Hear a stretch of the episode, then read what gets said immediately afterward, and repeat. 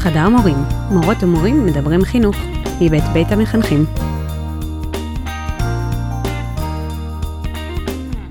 שלום לכם, ברוכים הבאים לעוד פרק של חדר מורים, שהוא בעצם פרק המשך, חלק ב' של פרק 25 שלנו, הוראה אנושית בימי בינה מלאכותית.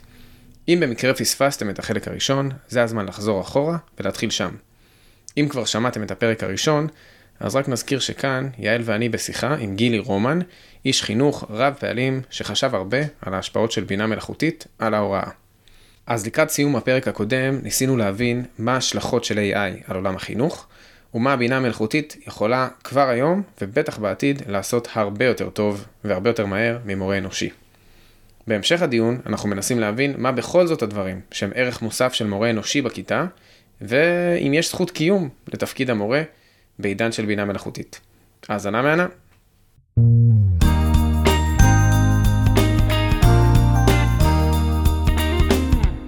אני חושבת שהשאלה הגדולה היא, עכשיו שוב, ברור שאם אנחנו מסתכלים על אה, אוכלוסיות אה, מוחלשות, שאין להם אה, מחשבים בבית ולא, ואין להם אה, אה, בית אה, תומך וכולי, אז ברור שבתי ספר הם עדיין נדרשים. אבל נגיד אפילו, אני אומרת, בואו נסתכל על הקצה השני, של חבר'ה נורא חזקים וכולי. איזו הצדקה יש להם לבוא לבית ספר?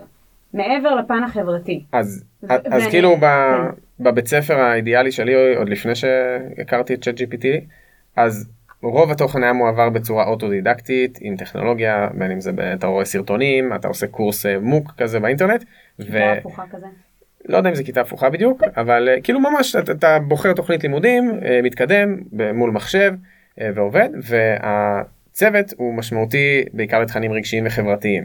אז כשאני חושב למשל על תוכן שכבר הזכרתי שהעברתי השנה הייתי חלק מצוות שמעביר זה נגיד בית מדרש מיניות. בית מדרש מגדר ומיניות שהעברנו בכיתה ט' אמ, וכאילו מורה הוא אנחנו יודעים שמורה היא גם מרצה היא גם כל מיני דברים וגם לפעמים היא מנחת קבוצות. אז בהיבט ש, שבו אנחנו כמורים מנחי קבוצות זה משהו שיותר קשה לדמיין אה, את ChatGPT עושה. אז אני לא בטוח שהוא לא יכול לעשות את זה ואני כן רוצה להגיד שהתפיסה הזאת היא משהו שאני שומע הרבה פעמים חוזרת וזה אני קורא לזה כאילו תפיסת תנועת הנוער. כלומר בוא נהיה תנועת נוער. אמ, זהו ותלמידים לא יגיעו כאילו כמו שבתנועת נוער לא כל התלמידים מגיעים. אם בית ספר יהפוך להיות תנועת נוער, אז לא כל התלמידים מגיעים. זה אני לא יודע, כי המדינה יכולה להכריח את התלמידים להגיע גם לזה, ולהחליט שיש לזה איזשהו סוג של סטמפה בסוף. למדוד את זה. היא יכולה. כן. אבל אני רוצה לטעון שבכל זאת, אה, גם לנושא של תוכן בעולם, יש משמעות לזה שבן אדם יעבור איתך על, יעבור איתך חוויה שקשורה בידע. לא, גם אני חושב שספציפית העליתי את הנושא של מיניות, כי בנושא כמו מיניות, ש-GPT יכול לתת 20 כללים ממש טובים, נגיד אה, לפני פעם ראשונה שמקיים יחסי מין. אבל חלק מהמשמעות בבית מדרש הזה, והוא מחולק נגיד בבנים בנות, זה, זה שאני אשב עם קבוצה קטנה של בנים, ואני אגיד להם, סתם דוגמה, אה, כשאני הייתי בגילכם, או, או גם בגיל יותר מאוחר, הייתי נורא חסר ביטחון אה, מכל מיני דברים בהקשר מיני. זה צ'אט GPT לא יכול להגיד. הוא יכול להגיד אבל זה לא יהיה כל כך אמין. זה לא אמין בכלל. דרך אגב הוא בטוח שהוא יגיד את זה. אם אתה נכון. תגיד לו תדבר איתי כמו אה, בן 20 אה, שכבר חווה הוא יגיד לך את זה אבל אולי זה לא יישמע לך כל כך אמין. אה, אבל זה נורא מעניין שאתה מזכיר דווקא את הנושא הזה בגלל שכל כך הרבה מורים נרתעים מלדבר על הנושא של מיניות זה אחד הדברים שהוא הכי מופרטים במערכת והכי נכון. הרבה מביאים עליו אנשים חיצוניים וצעירים. אה, כדי שחלילה אף תלמיד לא יחשוב שהמורה בת 50 עדיין מקיימת יחסי מין, כן, ושיש, אה, ויש עתיד לדבר הזה אה, מעבר לגיל 18-20. אז זו דוגמה מאוד טובה, בגלל שאנחנו הרבה פעמים, והיא מאוד רגישה, אבל היא, היא מדגימה כמה הרבה פעמים אנחנו מפחדים להביא את עצמנו כבני אדם, mm-hmm. ואת החוויות שלנו לבית הספר מול התלמידים, ואני רוצה להגיד בהקשר הזה שלא חייבים ללכת עד למיניות, כלומר, הרבה פעמים אנחנו גם לא מבינים את החוויות שלנו על התחומים שאותם אנחנו מלמדים. Mm-hmm. וזה נורא קריטי, כי יש כמה דברים ש... שהמכונה כרגע לא יכולה לעשות, לפחות אני חושב לא בצורה מאוד אמינה, אמ, וזה למשל להתלהב. למשל מאוד מאוד לאהוב יצירה מסוימת שהחלטתי ללמד בספרות. זאת אומרת, היא יכולה לכתוב את זה, אבל אתה לא תרגיש את זה. נכון. והיא גם, יהיה לה מאוד קשה לשכנע אותי באמת באמת בסובייקטיביות של איך שהיא חווה יצירה ואיך שהיא חווה התלהבות מפתרון בעיה מסוימת או איך שאני ההתלהבות המאוד גדולה שלי מנושאים אזרחיים אה, והמחשבות שלי גם על הנושאים האלה והחוויות שלי על הנושאים האלה.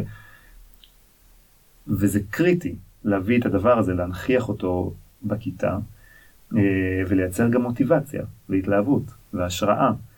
אה, יש משהו שאנחנו כן צריכים לזכור זה שעדיין ככל הנראה ילדים לא יוכלו להיות בינה מלאכותית כשהם יהיו גדולים.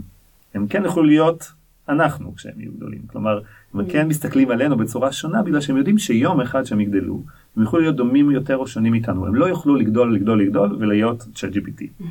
ו- ואז זה מאוד משנה מי אנחנו, גם בהקשר של הדברים שאנחנו מלמדים. ובהקשר הזה אני רוצה להגיד שיש לנו גם יכולת להיות נוכחים בדבר הזה שקורה בכיתה. כלומר, להסתכל על דברים מאוד רלוונטיים שקורים עכשיו בדיון הזה שמתקיים במציאות, אה, בטקסט, אה, להגיב מאוד להתרחשויות שקורות בעולם של הכיתה, של החצר, של בית הספר, גם בהקשר של התוכן שאני מלמד. כלומר, הצ'אט GPT לא יוכל להעביר שיעור ביולוגיה ואם פתאום אה, על חרקים, ואם פתאום ייכנס חרק לכיתה, הוא יראה אותו ויעצור בהתלהבות ויראה להם, תראו, על זה למדתי שהייתי ב, ב, בתואר הראשון, ואני רוצה להראות לכם, ובואו נשים, את זה הוא לא יכול לעשות. השאלה אם אנחנו עושים את זה. אה, אם אנחנו ממש נמצאים שם, אה, כמה אנחנו לא טכניים, כמה אנחנו אה, אנושיים, אה, מגוונים, רלוונטיים. ודבר נוסף שאני רוצה להגיד שהוא מאוד חשוב, כמה מאפשרים לתלמידים וגם לעצמנו לא רק להתלהב ולא רק ללמוד בצורה ברורה ומדויקת, אלא גם משהו שהוא תמה מאוד מרכזית אצלי, לפחות בספר וגם בתפיסה שלי החינוכית, אה, ללכת לאיבוד. לא ללכת בקו הישר, להתבלבל, להיות לא יעילים, אה, ללמוד משהו ולעזוב אותו. אה, לעשות משהו בצורה מאוד uh, מוטעית ולהמשיך איתו ולא לתקן אותנו מאוד מהר, או סתם פשוט לבהות בעולם עם הנחיה, בלי הנחיה, וצריך לדבר על זה שיש לי תובנה. זה דברים שמאוד מאוד קשה לבינה המלאכותית לעשות כי היא דבר נורא יעיל. אוקיי, היא דבר נורא פונקציונלי. קראתי גם בדברים שכתבת וזה מאוד תפס אותי לשאול שאלות אה, שאין להן תשובות. כן. או שאנחנו גם לא רוצים אה, בשבילן תשובות, שאני חושבת שזה חלק מאוד חזק ב- בלמידה של, של המקצועות שלנו. יש לכם דוגמה לשאלה כזאת? ש- שאלות שאנחנו לא רוצים לענות עליהן? אוקיי, כאילו... כן, אז נגיד תלמידה אה, מתוקה שאלה אותי, עשיתי אה, שיעור בכיתה י', אה, זה היה בשבוע שבין יום השואה ויום הזיכרון, אז אמרתי אני מביאה את אה, איוב. אה, ו... ואז היא ככה חיכתה עד שכל התלמידים הלכו, ואמרה לי, נכון, אנחנו אומרים שהיטלר הוא רע, כי הוא הרג הרבה אנשים אה, חפים מפשע. אמרתי לה, אוקיי. אז היא אמרה, אבל אלוהים, שהוא סתם ככה הרג את הבנים של איוב שלא עשו כלום, אז למה אנשים אוהבים אותו? וואו. והיא חיכתה לתשובה. ואמרתי לה, זאת שאלה מעולה, זאת ממש שאלה טובה, ואני חושבת שקצת אולי אכזבתי אותה, אבל אני, אני, אמרתי לה, אנשים מוצאים כל מיני צידוקים לזה, אבל אני חושבת שאת נוגעת פה במשהו מעניין ששווה להמשיך לחשוב עליו. כן, זאת, זאת גם שאלה שהעסיקה אנשים המון, כאילו מאות אלפי שנים תכלס בעולם היהודי. אמ, העסיקה אותם לא במובן של מחשב יכול לעסוק בהם כי מחשב יתעסק בזה הוא, הוא יספק תשובה כן. תוך כמה שניות. הוא, הוא יגיד ניתן לענות על זה בככה וככה. נכון אבל הוא גם יוכל אפילו לקיים איתה שיחה. כלומר הוא גם יוכל, היא גם תוכל להגיד לו בוא נדבר איתי כמו חברה כאילו ובוא נדבר על זה זה. מה שאת יכולה לעשות זה לעשות את השיחה הזאתי במשחק בין רמה אינטלקטואלית לרמה אישית. נכון. כי את כל אחד זה פוגש גם במקום שלו ובאיפה שהוא בדיוק נמצא עכשיו. ודברים שהוא כבר חווה, ודברים שהוא כבר חשב עליהם. זו באמת תלמידה שבאופן עקבי, יש לי כל הזמן שיחות איתה על הנושא הזה, כאילו ההקשר הזה של למה אנשים מאמינים באלוהים ולמה אלוהים הוא דמות כל כך גרועה בתנ"ך זאת אומרת בן אדם כותב את התנ"ך למה הוא מוציא את אלוהים כל כך רע ולמה זה גם הספר של אלוהים כאילו מישהו שם עשה עבודה די בינונית.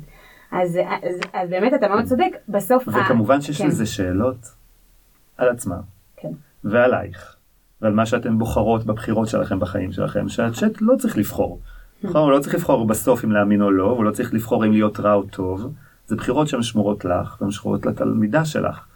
וככל שהדבר הזה יהיה נוכח יותר, אה, לדיונים האלה, שהם דיונים של ידע אה, וגם של ערכים, יהיה יותר משמעות.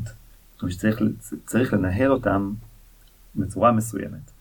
אה, אז אני כאילו מקשיב, קודם כל ניכר שחשבת על זה הרבה יותר לעומק. מניח גם קשור לזה ש... כל הזמן. כן, שכתבת על זה ספר, אבל כאילו הדמות של המורה שאתה מתאר, נשמע לי קצת, כתבתי לעצמי, אה, דוגמן אנושיות. כאילו, מאוד לקחתי גם את המשפט שלך שהילדים כשהם יהיו גדולים לא יוכלו להיות AI. אז, כלומר, אם אנחנו הולכים למציאות שבה מורים הם מיותרים, אז בעצם התפקיד שלנו הולך להיות גם לגדל בני אדם שגם הם במובן מסוים יהיו מיותרים, או הם מיותרים אולי במובן של היום. אז רק תחשוב, כן. אני מאוד אהבתי את הביטוי הזה, דוגמן, דוגמן אנושיות, כי רק תחשוב כמה התפקיד שלנו עוד יותר חשוב. אנחנו נהיה האנשים שילמדו, גם היום אני חושב שיש לנו תפקיד מאוד חשוב בללמד ילדים איך להיות בני אדם, אבל התפקיד שלנו עוד יותר מועצם כשהנושא הזה של מהי אנושיות mm. ומה זה להיות אנושי, ומה יישאר, אה, זה ב... ממש ממש נמצא תחת סימן שאלה אם לא תחת מתקפה, אוקיי? וזה הופך להיות חלק מרכזי יסודי בתפקיד שלנו, אנחנו ממש בחזית של הדבר הזה. אבל, אבל זה גם אומר שכל מה שמורה בעצם יצטרך לעשות זה להיות בן אדם, ולהיות בן אדם בוא נגיד טוב או לא, איכותי. אבל או... זה להיות בן אדם ש...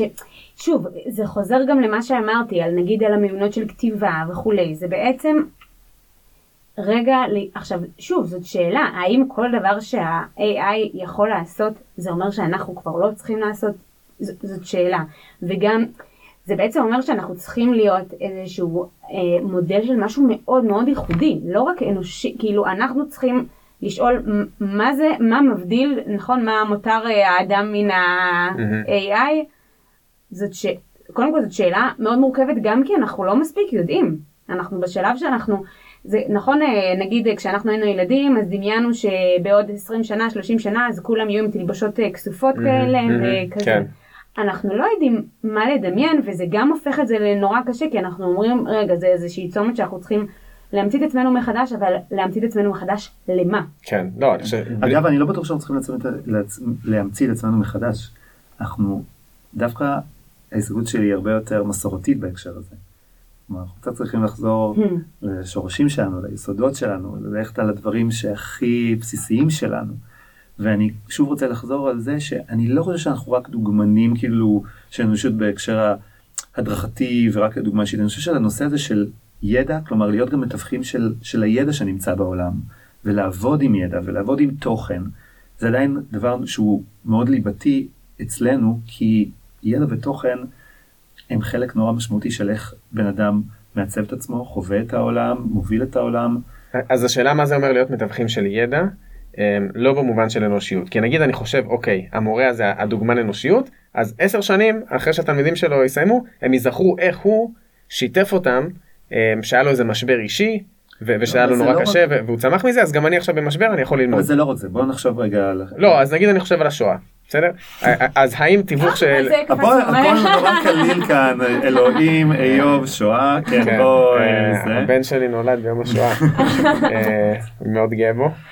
אה, במוצאי יום השואה. לא, כפרה, זה היה חמש וחצי. זה עדיין... אה, עוד עדיין בעיצומו של יום. זה עדיין עכשיו יום השואה. כן, זירזתי שם את העניינים. אבל, אז כאילו, האם תיווך... מעבר ל... כן, ההוא ייתן את כל המידע על השואה וגם יכול לספר להם כמה זה נורא ולהביא להם שירים שאנשים כתבו אבל נגיד אני, אני, אני אספר על, על סבתא שלי ועל הסיפור האישי ועל ה... איך זה התגלגל במשפחה אז כאילו זה התיווך כלומר לתת את הזווית האנושית לא, ה... זה, האישית זה, על הידע זה לא רק זווית האישית של מה אני אישית חוויתי זה גם יכול להיות בוא, בוא ניתן אה, שתי דוגמאות ממקצועות אה, שונים. אה, ניקח תנ"ך, הייתה פה דוגמה טובה לתנ"ך, זה יכול להיות גם על ההתלבטויות שלך, על הדברים שאתה מלמד. כלומר, איך אתה מושפע מזה? אני לימדתי היסטוריה ונורא עבדתי עם שאלות גדולות. הייתי נוהג לשאול תלמידים במבחנים, האם ההיסטוריה חוזרת על עצמה? האם אנחנו יכולים ללמוד מההיסטוריה? שזו שאלה שנורא מעסיקה אותי. עכשיו, אם אני מנכיח את זה שזה מעסיק אותי, זה באמת מעסיק אותי, זה מטריד אותי מאוד. האם אנחנו יכולים ללמוד, האם אנחנו יכולים להשתפר, האם אנחנו יכולים אה, להכווין בכלל, כאילו, את, ה, את מה שקורה בתור אה, פרטים. אה, אם הילדים חווים איתי את, את החוויה הזאת, שהיא מטרידה אותי, ו, ושואלים אותי את השאלות האלה, ורואים שזה משהו שהוא, שהוא מעסיק אותי, אני חושב שזו חוויה אנושית, זה לא חייב להיות כאילו החוויה האישית שלי, כאילו המשפחתית, דווקא בדבר הזה, אבל אני עדיין צריך להיות בן אדם בדבר הזה. זה יכול להיות גם מקצועות שנראה לך אולי קצת יותר קשה לדמיין, כמו מתמטיקה וכמו מדעים. אז גם במדעים וגם במתמטיקה יש תהליכי גילוי. זה תהליכים שמאוד אנושיים. עכשיו, אם אני כבר גיליתי את הכל, בתור אה, פתרתי את כל הבעיות, מצאתי את כל ה... קראתי את כל המחקרים, אוקיי, אז אין בזה הרבה זה, כי אני באמת דמות אה, קצת פלקטית. אבל רוב המורים עוד לא פתרו את כל הבעיות במתמטיקה, אה, ובמתמטיקה, בטח יישומית, יש גם דברים שאפשר לעשות עם התלמידים ולייצר פרויקטים ולנסות לעשות דברים, והתהליך הזה הוא תהליך שבו גם כמורה אתה יכול ללמוד ואתה יכול להתלהב, אתה יכול להיות מתוסכל. ובתהליך חקר אתה יכול להתרגש עם התלמיד על משהו שגדל, אתה יכול להתעניין במשהו שהוא, כאילו, שהוא כתב לך. אמ, ו, ואתה יכול להיות אה, נדהם מאיזושהי תופעה אה, שקורית בכיתה ואתה לא מאמין כאילו אני לפעמים באמת אה, אני לא מורה למדעים אבל לפעמים יש דברים שאני לא מאמין שכל פעם זה קורה כאילו אתה שם משהו בתוך משהו ויוצא יוצא גז ויוצא זה זה. כן. אז אז הדברים האלה הם גם דברים שהם מאוד אנושיים. נכון לא זה כאילו אנחנו דיברנו פה כמה פעמים על הקטע הזה של להתרגש בכיתה.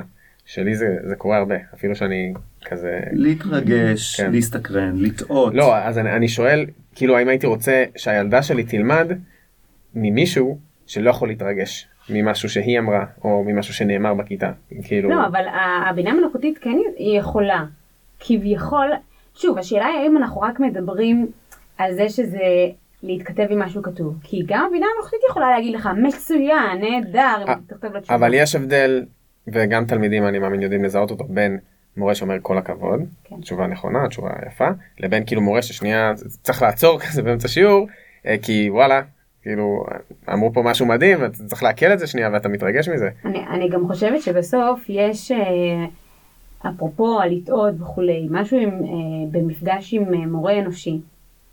שלפעמים גם מתעצבן בכיתה, כן.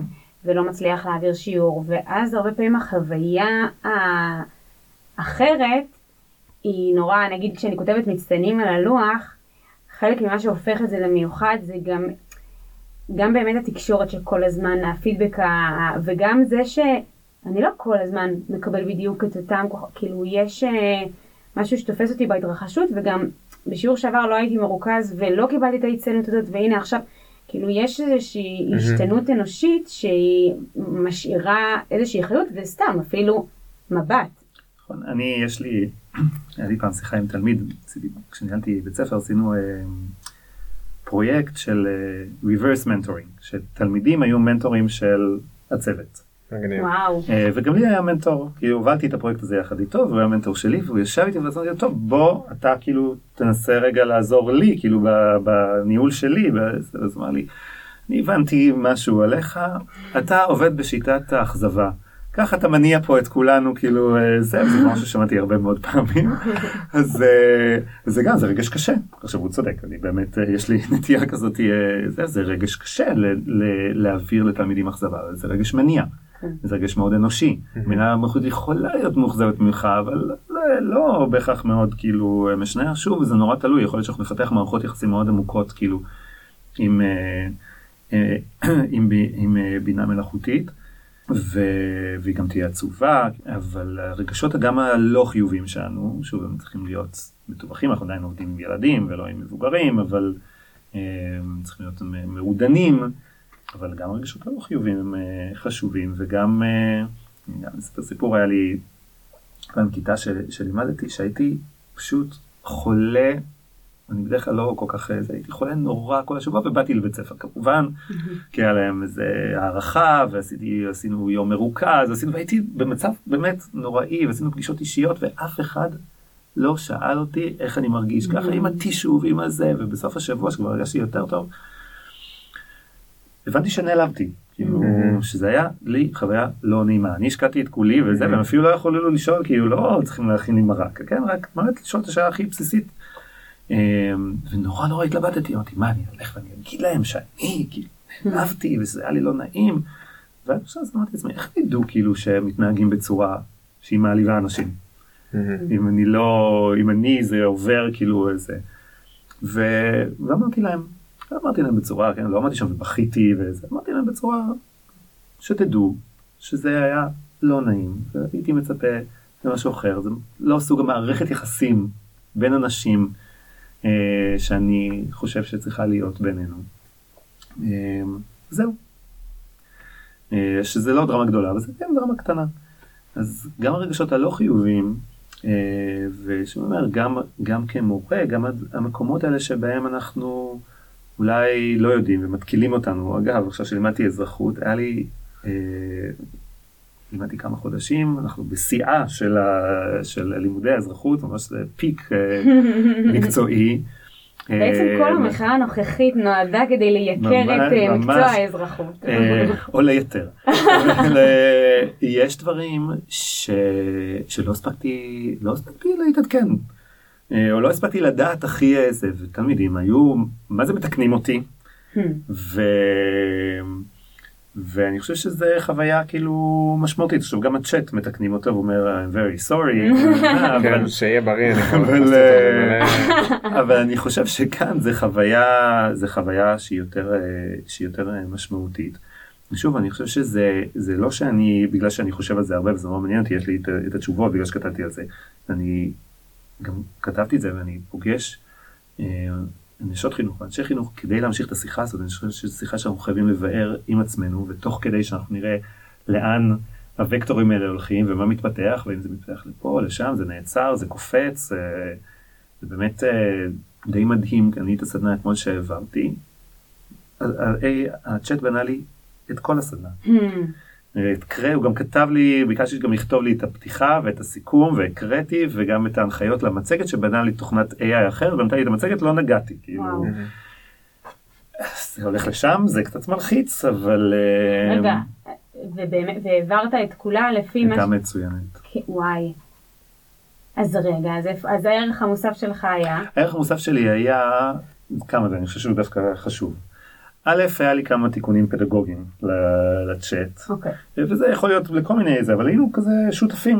Hmm. Uh, הוא רצה לפתוח קודם במצגת uh, הסבר ולסיים בהמחשות, ואני אמרתי לו, אני לא אוהב, אני אוהב להתחיל בהמחשות ולסיים במצגת, אז כבר אין בעיה, בוא נהפוך את זה.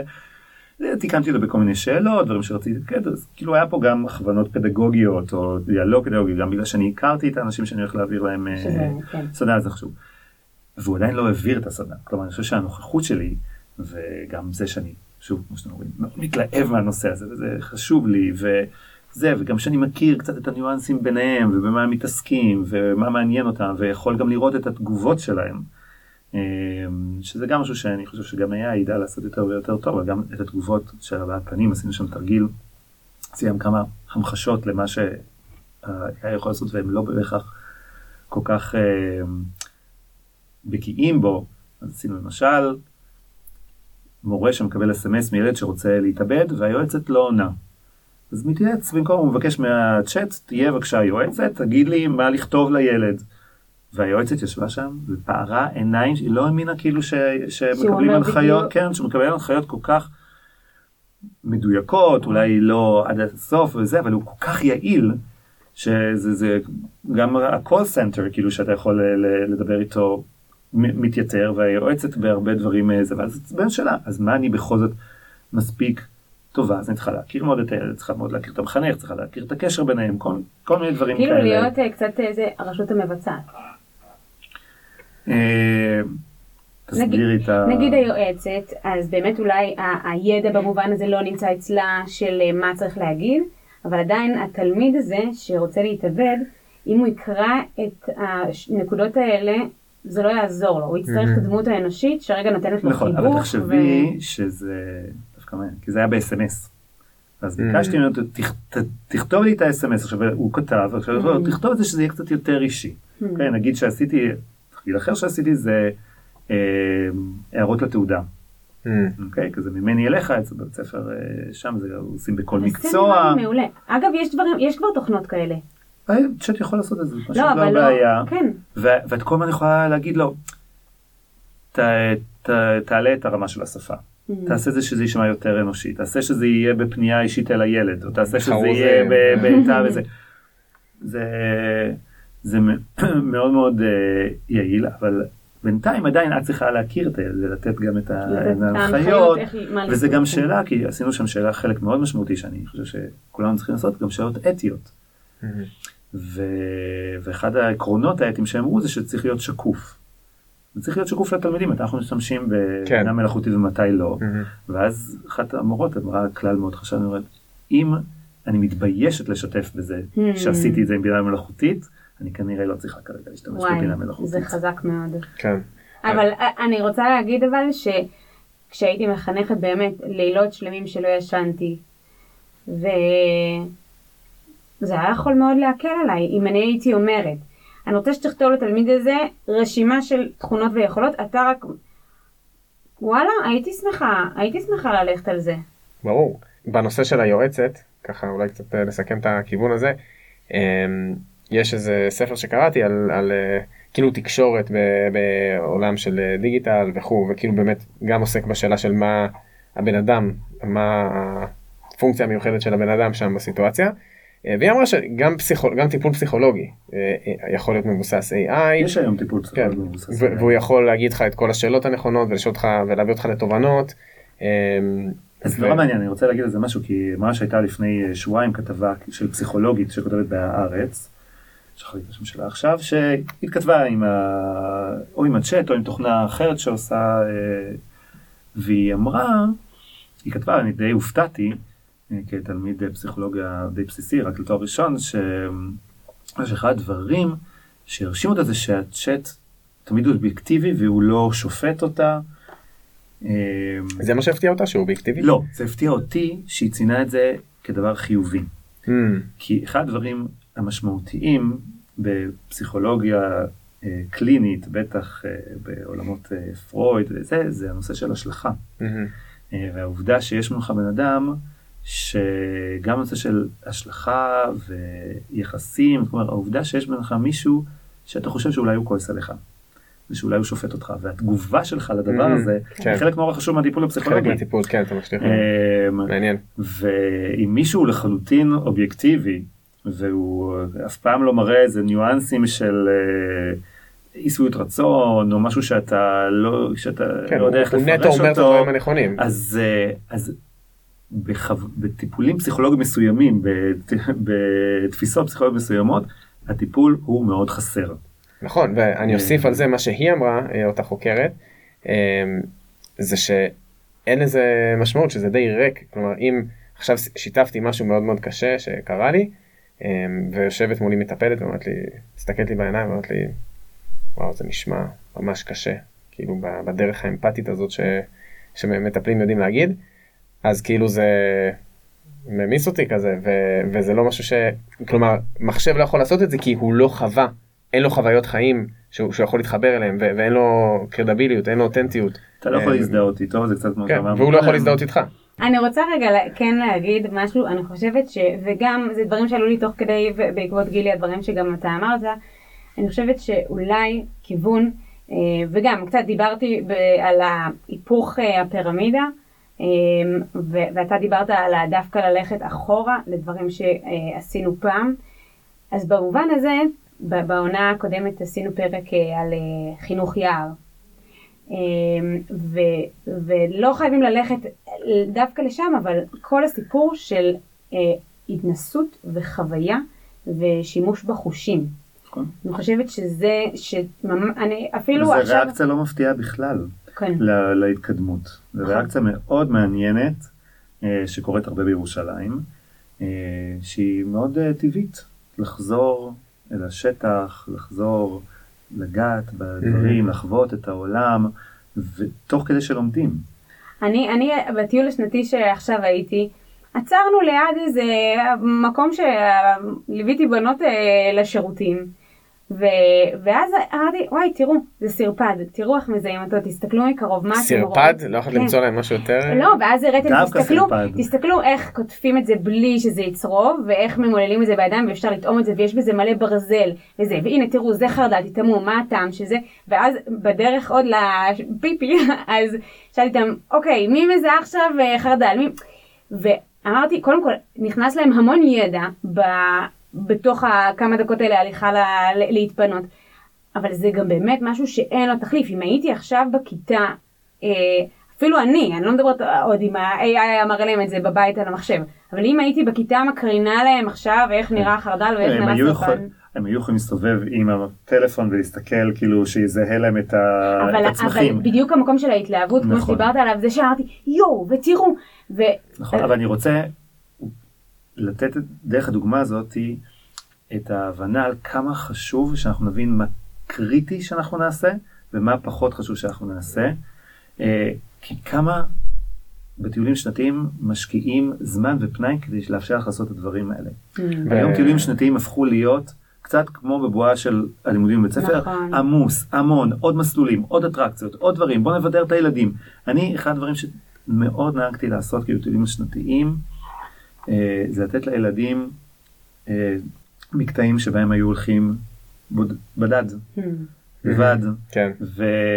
וזמנים של שקט שכולנו היינו עוצרים ולא מדברים במשך הזמן, כלומר, פחות. פחות. כאילו אם נצא לטיול שנתי ולא נלך לשום מקום. נהיה במקום אחד, נחקור אותו. אני נשארתי בפיפי, אני חייב להגיד על זה משהו, שעוד חוויה מטיול שנתי, זה שרואים ש, שהמורה והמורה הם, הם גם בני אדם ויש את החוויה הזאת שאני יודע שיש במיוחד למורות של כאילו ללכת לפיפי עם תלמידות. ואני חושב שאפשר לסכם בנקודה הזאת שצ'אט GPT לא לעולם לא יוכל לעשות פיפי עם תלמידות ובטח לא להכיל אותם אחר כך בחרדל שהושקע על ידי אה, לא משנה. כן. טוב אז אה, איזושהי מחשבה מסכמת. אה, אני יכול להתחיל. קצת פסימיות ככה למרות שסתם גם הפרק לא היה כזה אופטימי בעיניי אבל uh, כאילו אני חושב שבני אדם מאוד גרועים בלנבא את העתיד. ו... אולי צ'אט GPT יודע. לא, וקשה, כאילו אנחנו צריכים להכיר בזה שכל הדמיונות, גם הספר שלך, גם הדברים שאנחנו הכי מנסים לדמיין איך השינוי הזה ייראה, אנחנו פשוט עומדים בפני שינוי מטורף. Um, וסביר להניח שכל מה שדיברנו כאן בעוד עשר שנים אפילו, um, ייראה כאילו, חלק גדול ממנו לפחות ייראה כאילו הזיה. אמ, זהו, שיהיה לנו בהצלחה. וואו, זה היה ממש... אז, אז אני דווקא, אה, כמה מפתיע, אה, מסיימת באופטימיות. כי קודם כל, אני באמת, העבודה שלנו, לצורך הדוגמה, בדיקת מבחנים זה עול מסויג מבחינתי. אה, הדבר היחיד שאני אוהבת בו זה... זה שאני דרכו מרגישה את התלמידים ושמה לב מה הם זה, אבל כל השלב הטכני עצמו של לקרוא את כל המייל הזה וזה, אני אומרת, בסוף יש לבינה המלאכותית דרך להקל עלינו את העומס ולהוריד מאיתנו את הדברים שלא בא לנו לעשות. אני רכזת חברתית, אם ה-chat GPT יסדר לי בגפן את כל התוכניות שאני רוצה שיהיו מותאמות ויבדוק הצעות מחיר, וואי, זה יהיה לי תענוג. אז נגיד, זה מאוד מעודד אותי. אפילו אני לא בטוח, משימה גדולה מדי בשביל הצ'אט GPT. זהו, נכון, עד הגפן. עד הגפן. אמ, ובאמת זאת הזדמנות מהממת בעיניי לחזור לדברים הרבה יותר אותנטיים, כאילו באמת לשאול שוב את השאלה הזאת של מותר האדם אה, מהבינה המלאכותית, ו, ו, ואפילו אה, כאילו אני לוקחת גם את הסיפור הזה של מה שאמרת על הטיול השנתי, אני אומרת אפילו נגיד הדרכות, כאילו בטיול שנתי, שנכון, התלמידים אף פעם הרי לא, לא מקשיבים לזה ויש no. איזשהו, אה, אה, כאילו הנחה שחייבות להיות הדרכות, ובאמת לחזור הרבה יותר למקום של למידה אה, מתוך גילוי ומתוך התנסות והרבה דברים, אם אנחנו נשאל מורה ממוצע, מבין התפקידים, תפקידי המורה, בסדר? אה, מחנך, דמות טיפולית, אה, מנחה. וסוכן ידע, מה לדעתו הכי פחות התפקיד של המורה, הרוב המוחלט, מה, שוב, מהדור החדש של המורים, ישימו את הסוכן ידע במקום האחרון. ואז אם אני אשאל אותם, ומה היה בשיעור האחרון שהעברתם, מה היה הכי דומיננטי, אז הם יגידו, סוכן ידע. ואני חושבת שככל, כאילו שדווקא המהפכה הזאת תאפשר לנו באמת לשים את הסוכנות ידע במקום הראוי לה, שהוא בעיניי המקום האחרון, ולשים דגש הרבה יותר על המקום של ההנחיה, על המקום של הטיפוליות, על המקום של החינוך, כאילו להחזיר באמת את האסנס של, ה... של עולם החינוך. אני, אני אחזור על מה שאמרתי גם בעבר, שאני עדיין חושב שהידע צריך להיות שם בליבה, אנחנו פשוט צריכים לשחק ולעבוד עם הידע, לא רק להעביר אותו, אלא ממש להשתמש בו כמשאב גם לאנושיות ולחוויה ולגילוי של העולם. וזה מזכיר לי מה שאת אמרת, זה שאני בתור מנהל, כשהייתי מראיין אה, מורים, בדרך הייתי שואל, הייתי נותן לרכזת לשאול את כל השאלות, הייתי שואל שאלה אחת ושאלת פולו-אפ. השאלה הייתה, מהי הוראה טובה בעינייך, בעיניך? והיו בדרך כלל אומרים לי, יש כאלה שלא לא חשבו על זה, אף פעם לא הייתה להם תשובה, היו צריכים זה, והיו כאלה שאומרים לי את כל הסיסמאות, זה כבר סוכן ידע, זה, ואז השאלת הפולו-אפ תמיד הייתה, תני לי דוגמה, מתי עשית את זה בפעם האחרונה? והרבה נפלו כבר בדבר הזה. עכשיו, אה, למה אני אומר את זה? כי אני חושב שהדבר הכי חשוב שאנחנו יכולים לעשות כדי להיות uh, יותר אופטימיים ופחות uh, פסימיים, זה לעשות את השיחות האלה. כלומר, השיחות המקצועיות האלה של לשאול מי אנחנו, מה הזהות המקצועית שלנו, עם איזה דברים אנחנו צריכים להתמודד, מהי הנוכחות האנושית שלנו והחשיבות שלנו כמורים שהם מחזיקי ידע ותוכן ולא רק כמדריכים חברתיים אבל גם מה התפקידים החינוכיים שלנו. השיחות האלה הם השיחות שישמרו את המקצוע שלנו חי ובועט ורלוונטי וחשוב מאוד אה, ואני אסכם בחוויה שלי שהיא גם אני חושב החוויה שהכי ניסיתי להעביר בספר כי אני מבחינתי הספר הזה הוא בסוף סיפור אהבה לחינוך. Hmm. וסיפור אהבה להוראה. ואני חושב שאם אנחנו נאהב את המקצוע שלנו ונתעסק במה באמת חשוב לנו לעשות ומה התפקיד שלנו בעולם הזה ונדבר על זה ונשקיע בזה אה, ביחד, לא רק כל אחד עם עצמו, אז אה, אנחנו יכולים להיות יותר אופטימיים. יפה. אמן. כן.